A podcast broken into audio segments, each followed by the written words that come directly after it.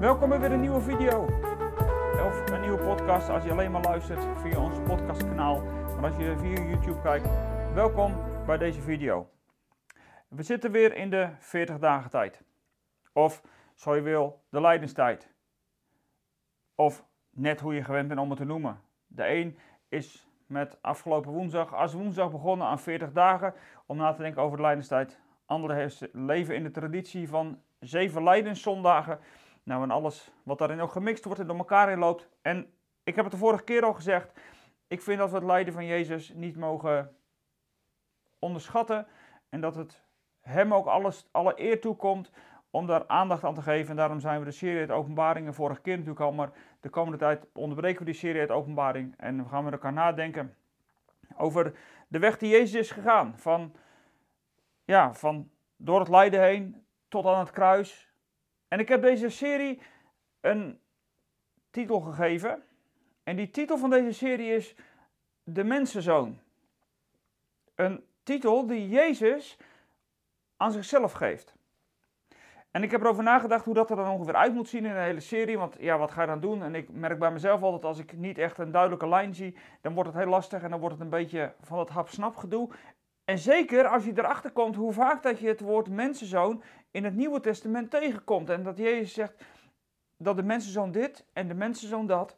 Nou, Jezus zegt dat maar liefst ergens tussen de 79 en de 84 keer. Ja, dat heb je goed gehoord. Dat is erg veel dat Jezus die titel dus gebruikt. En ik heb erover nagedacht hoe dat dan een vorm krijgt in deze serie. Want dan doen we eigenlijk zes video's en dan is het Pasen. En dat moeten we natuurlijk sowieso uitbundig vieren. Dat is echt feest. De opstanding uit de dood. Als de mensenzoon uiteindelijk uit de dood is opgestaan.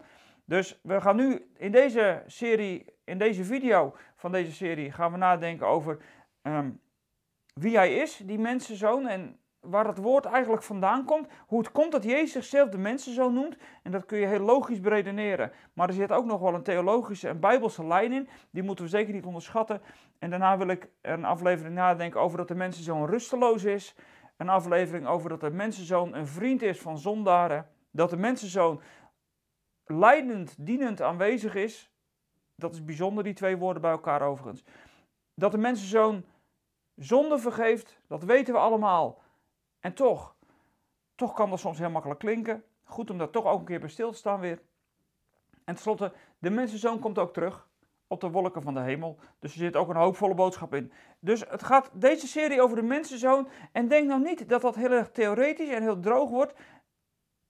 Sommige mensen hebben dat al gelijk. Als ik dan met zo'n thema begin, wat even niet een hele pakkende titel heeft. Ik vind titels sowieso best wel lastig, zeker op YouTube merk ik dat. Als de titel dan niet zo heel pakkend lijkt te zijn, alsof het dan droog, droge theorie wordt of zo. Maar als er één ding nou geen droge theorie is, dan is dat wandelen van Jezus in die laatste drie jaar van zijn leven. Als je de evangelie doorleest, dan ontdek je dat is nooit droge kost. En eigenlijk moet je gewoon weer een keer opnieuw aangeraakt worden door wat Jezus dan doet. En dan is hij dus de mensenzoon. En dan is het goed om in deze 40 dagen tijd, in deze leiderstijd, eens goed na te denken over hoe dat nou zit met die mensenzoon. Je kunt natuurlijk afvragen waarom de mensenzoon. Het is opmerkelijk dat Jezus zichzelf zo noemt. Hij zegt, ik ben de mensenzoon. 84 keer in heel de Bijbel komt dat woord voor.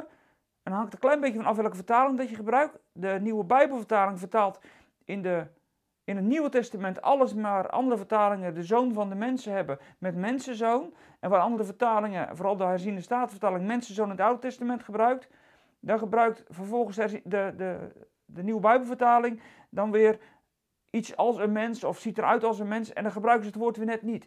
Dus die woorden heb ik even allemaal gekoppeld. En dan zijn het 84 keer waarvan 80 keer in het Nieuwe Testament, een keertje in het boek Openbaringen dan ook in het Nieuwe Testament en een keer in het boek Hebreeën en de rest eigenlijk alleen maar in de Evangelie. En dan zegt Jezus het vooral over zichzelf. Dus Jezus zegt, ik ben de mensenzoon.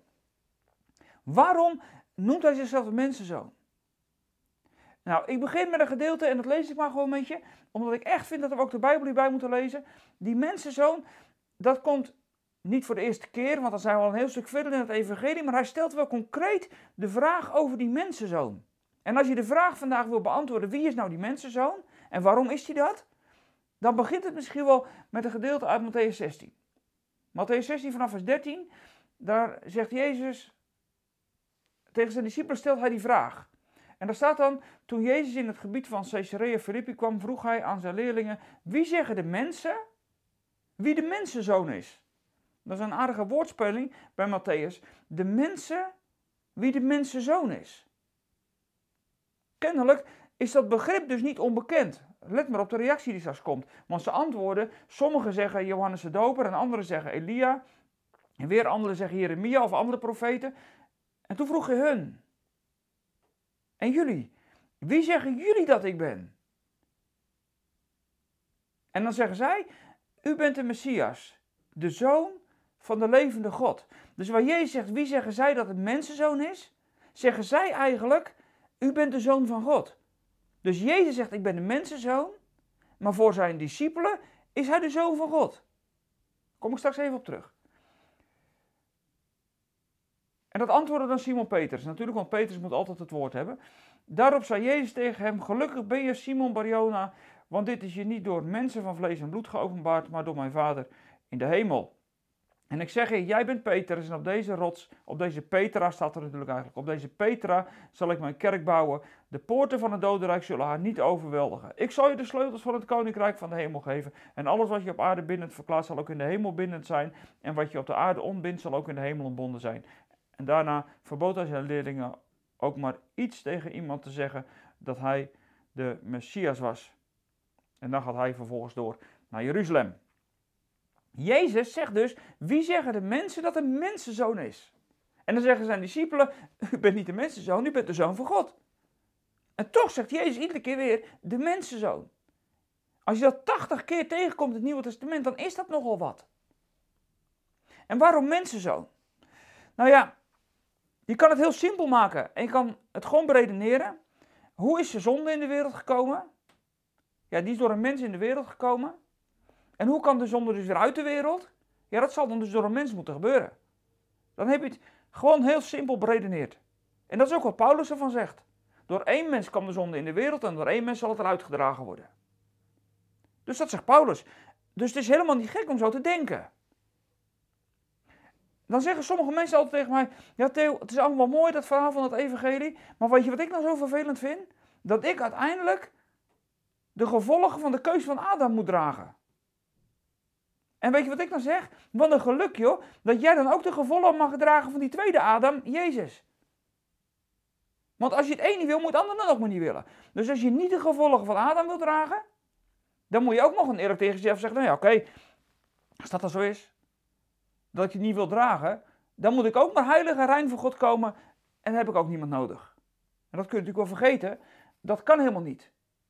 En dan zeggen mensen, ja, maar dat komt omdat Adam al gezondigd heeft. Nou, ik denk als jij en ik in de plek van Adam, of als je vrouw bent in de plek van Eva zou gestaan hebben, dan waren wij net zo hard gevallen. Toch? Maar dat kunnen wij alleen nog maar beredeneren vanuit ons zondige bestaan. Dus een beetje lastig blijft die. Maar aan de ene kant is het ook zo, als we dan de gevolgen dragen van die ene Adam, dan wordt de tweede adem, wat Jezus natuurlijk ook genoemd, de gevolgen van de tweede adem mogen we ook dragen. Dus wat die tweede adem, wat Jezus voor ons gedaan heeft, de zonde de wereld uitgedragen, zodat het zonde niet meer op onze schouders ligt, ja, dan moet je misschien het een wel dragen, maar het ander mag je ook dragen. Of hoef je helemaal niks meer te dragen. Dus wees dan wel even eerlijk. Als je het een niet wil, dan ook het ander maar niet. En als je er zo naar kijkt, naar de mensenzoon, dan is Jezus dus eigenlijk de mens die uiteindelijk de straf kwam dragen. En omdat hij Gods zoon is, kon hij zonder zonde blijven. Dat is waar. Maar het gaat in het evangelie niet in de eerste plaats om Gods zoon. Het gaat in het evangelie in de eerste plaats over de mensenzoon. Want die mensenzoon is nodig om ons vrij te kopen. En daarom is dat woord mensenzoon zo belangrijk. Want God zou geen genoegen nemen met alleen maar de zoon van God. Hij moest ook mens worden, zodat er een mens zou zijn die uiteindelijk de straf zou wegdragen. Dat is natuurlijk simpel beredeneerd waarom dat woordje mensenzoon zo nadrukkelijk naar voren komt. Tegelijkertijd is dat misschien wel iets te makkelijk gezegd, want dan heb je het alleen nu beredeneerd. Het aparte van het verhaal is namelijk dat het woord mensenzoon niet in het evangelie voor de eerste keer komt. Het is een lijn die je vanuit het Oude Testament al kan, kan zien. En welke lijn zie je dan? Die begint bij Psalm 8. En ik heb allemaal even bladwijzers bij mijn Bijbel gelegd, want al wat gebladerd. In, in Psalm 8, daar wordt die vraag gesteld wie nou eigenlijk de sterveling is dat God toch aan hem denkt. Dat is de mens. En dan staat er in de nieuwe Bijbelvertaling het mensenkind dat u naar hem omziet. Of eigenlijk staat daar dus de mensenzoon. Maar goed, dat is wel die vertaling. Het mensenkind dat u naar hem omziet. U hebt hem bijna een God gemaakt, hem gekroond met glans en glorie, hem toevertrouwd het werk van uw handen en alles is aan zijn voeten neergelegd. Nou zou je zeggen, dit gaat gewoon over de mensen, dat is zo simpel. Maar als je doorleest en het citaat wat de Hebreeënbriefschrijver hierover dus aanhaalt en dus ook uitlegt, dan maakt, dan maakt de Hebreeënbriefschrijver van Psalm 8, van die mensenzoon die in Psalm 8 staat, daar trekt hij direct door de lijn naar Jezus. Wat is de mens dat u aan hem denkt? En de mens, het mensenkind, de mensenzoon, dat u naar hem omziet. U hebt hem voor een korte tijd lager dan de engelen geplaatst. En u hebt hem met eer en luister gekroond. U hebt alles aan hem onderworpen. En dan lijkt het allemaal nog over de mens te gaan. En dan komt de volgende. En doordat hij aan hem alles onderworpen heeft, rest er niets dan niet, dat niet aan hem onderworpen is. En dat alles aan hem onderworpen is, zien wij nu echter nog niet. Wel zien wij dat Jezus voor korte tijd lager geplaatst is dan de engelen. De Hebreeënbriefschrijver, die zegt dus die mens, ja in de eerste plaats, ja dat is de gewone mens. Maar tegelijkertijd trekt hij ook de lijn door van die mensenzoon uit Psalm 8 naar Jezus die wij zien. Aan wie alles al onder zijn voeten ligt.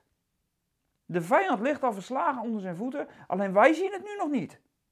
Dus Psalm 8, die mensenzoon op Psalm 8, die wordt in het Nieuwe Testament doorgetrokken naar Jezus. Kennelijk was dat dus voor de schriftgeleerden en voor de fariseeën, eigenlijk moet dat wel heel logisch geweest zijn. Dat dat woordje mensenzoon en Messias heel dicht bij elkaar lag. En dat wordt ook nog een keertje versterkt op een andere manier. En op die andere manier waardoor dat versterkt wordt, dat komen we in Daniel 7 tegen. En dat is de, eigenlijk de sterkste tekst, waardoor dat die schriftgeleerden en die fariseeën op bepaalde momenten, als het woord mensenzoon valt, nog sterker getriggerd moeten zijn geweest. Bijvoorbeeld de situatie met die vier vrienden en hun verlamde vriend. Dan, dan zeggen zij, wie is hij dat hij de zonde vergeeft? Ik kom er nog wel op terug bij die aflevering. Wie is hij dat hij de zonde vergeeft? En dan zegt Jezus, opdat u zult weten dat de mensenzoon op macht heeft gekregen op aarde zonde te vergeven. Opdat u dat dus weet, dat de mensenzoon dat doet zei hij vervolgens sta op en ga lopen. Met andere woorden, het is veel makkelijker om te zeggen, je zonden zijn vergeven, dat kun je toch niet zien.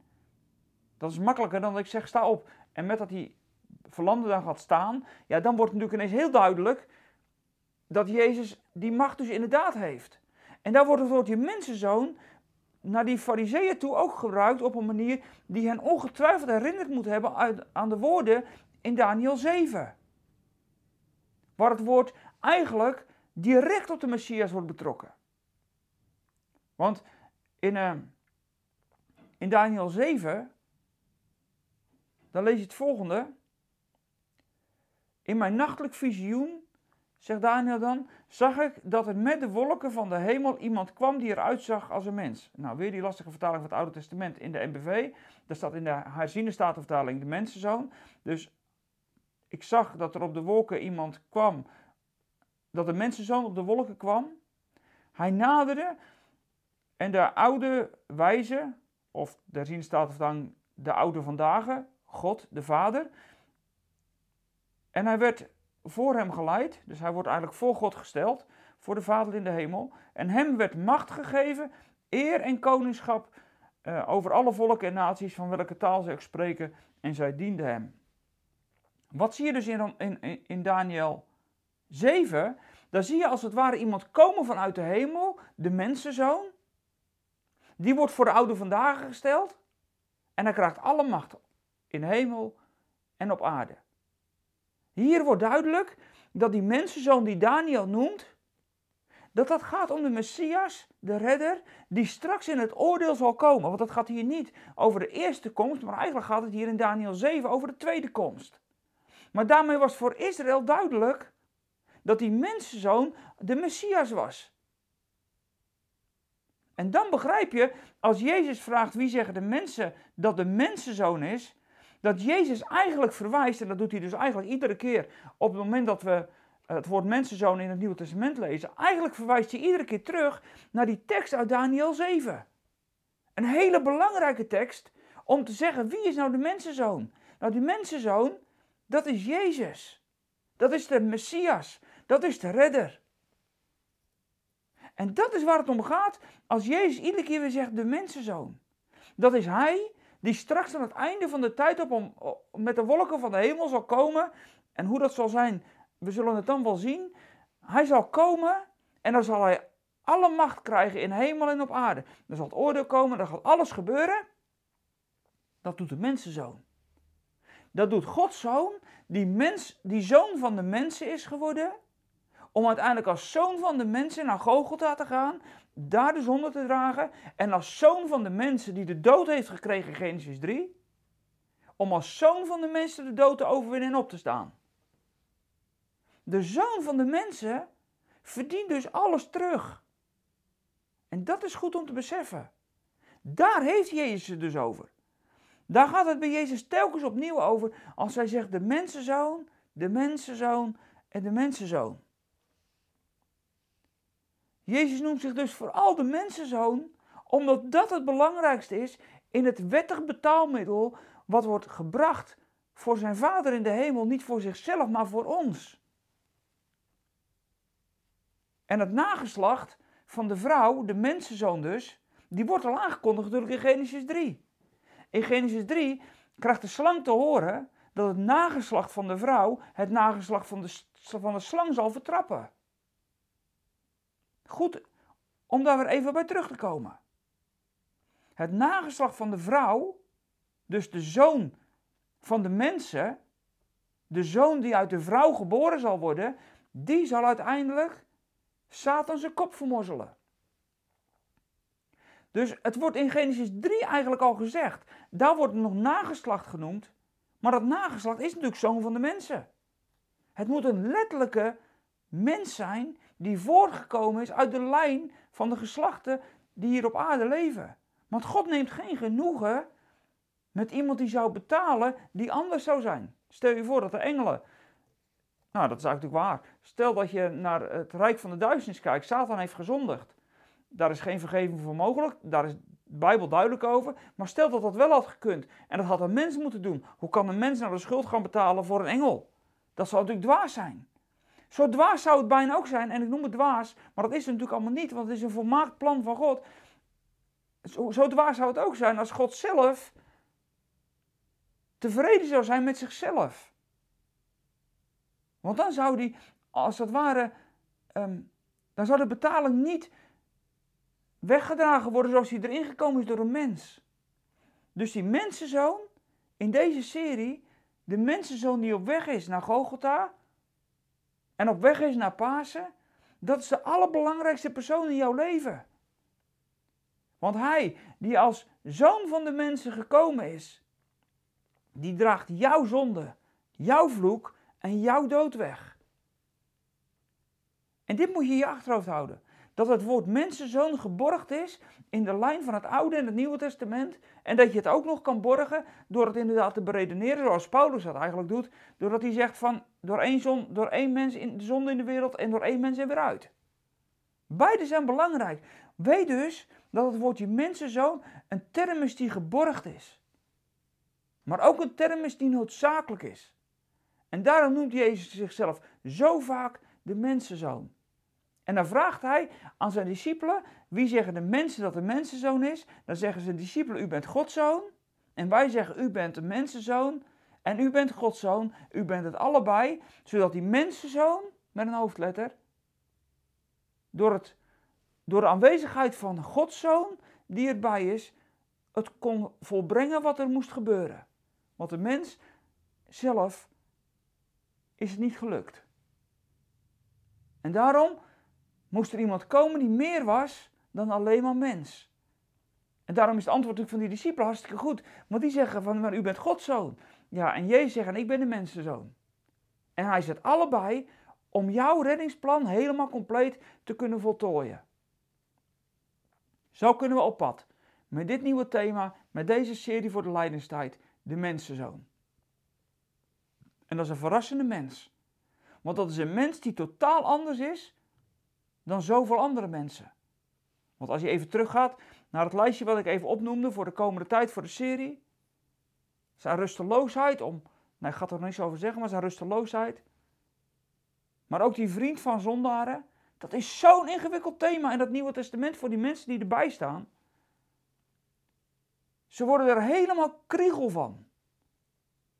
Nou, ga zo nog maar door. Met al die dingen die de mensenzoon is. Zijn dienend lijden. Zo diep. Voor jou. De mensenzoon. Jezus. Je redder. De Messias. En straks komt hij met de wolken. Want we besluiten deze serie af. Met dat de mensenzoon, dat hij terugkomt. En dat is niet alleen Daniel. Maar dat zegt Jezus zelf ook nog in het boek Matthäus. In het evangelie naar Matthäus. Sowieso zijn de meeste teksten voor deze serie uit, het, uit de Evangelie naar Matthäus. En bewust heb ik dat gedaan, daar komt het ook het meest voor. Maar Matthäus is natuurlijk degene die ook voor de Joden heeft geschreven. Dus die heeft dat woord ook het beste begrepen. En het beste proberen woorden te geven. Dus we gaan vooral het boek Matthäus erbij pakken. Maar ja, andere teksten komen er ook bij. Dat heb je ook vandaag alweer gezien. En dan gaat het ook weer heel snel, dan is het ook weer heel veel. Dus misschien moet je de video wel twee keer bekijken. Nou, dan is dat maar zo. Goed dat je er bij deze intro bij was. En de intro is al iets meer dan een intro geworden, zie ik aan de tijd. Maar dat is niet zo heel erg. Goed om erbij te zijn, goed om het mee te maken en je opnieuw te verwonderen en gewoon stil te worden de komende tijd. Om de mensenzoon, die tegelijkertijd Gods zoon is, die tegelijkertijd Jezus is, dat de mensenzoon de weg is gegaan voor jou en voor mij. Om op die manier datgene wat we gekregen hebben door de eerste Adam, door hem, de tweede Adam, eruit gedragen wordt. Bedankt voor het kijken, bedankt voor het luisteren. Voor nu heb je op YouTube gekeken. Geef dan even een blauw duimpje. Abonneer even als je dat nog niet hebt gedaan. Als je wil reageren in de comments, ik nodig je uit, doe dat gerust. En als je ons financieel wil steunen, nou, van harte, dat vind ik heel fijn. Ik sprak van de week iemand die zei tegen mij, Theo, wat jij uh, doet met deze video's, dat is toch wel gewoon wel af en toe gewoon een gift waard. Want het is gewoon belangrijk. Ik hoorde van de week van iemand die door een van de video's uit het boek Openbaringen zo geraakt was dat zijn leven helemaal omgekeerd is. En daar word ik zo blij van en denk van ja, we willen ook heel graag door om deze boodschap te blijven brengen op een manier die voor iedereen heel toegankelijk is. Nou, dat proberen we, daar zijn we hard mee bezig. Dus als je ons financieel wil steunen, nou, dat vinden we fijn. En als je dat doet, heel fijn, dankjewel. En als je zegt van nou, ik kan echt niet laaien op dit moment, dat is helemaal niet erg. Dan doe je gewoon wel mee, maar laat je die gift maar even zitten. Dankjewel voor nu en ik zou zeggen tot volgende week.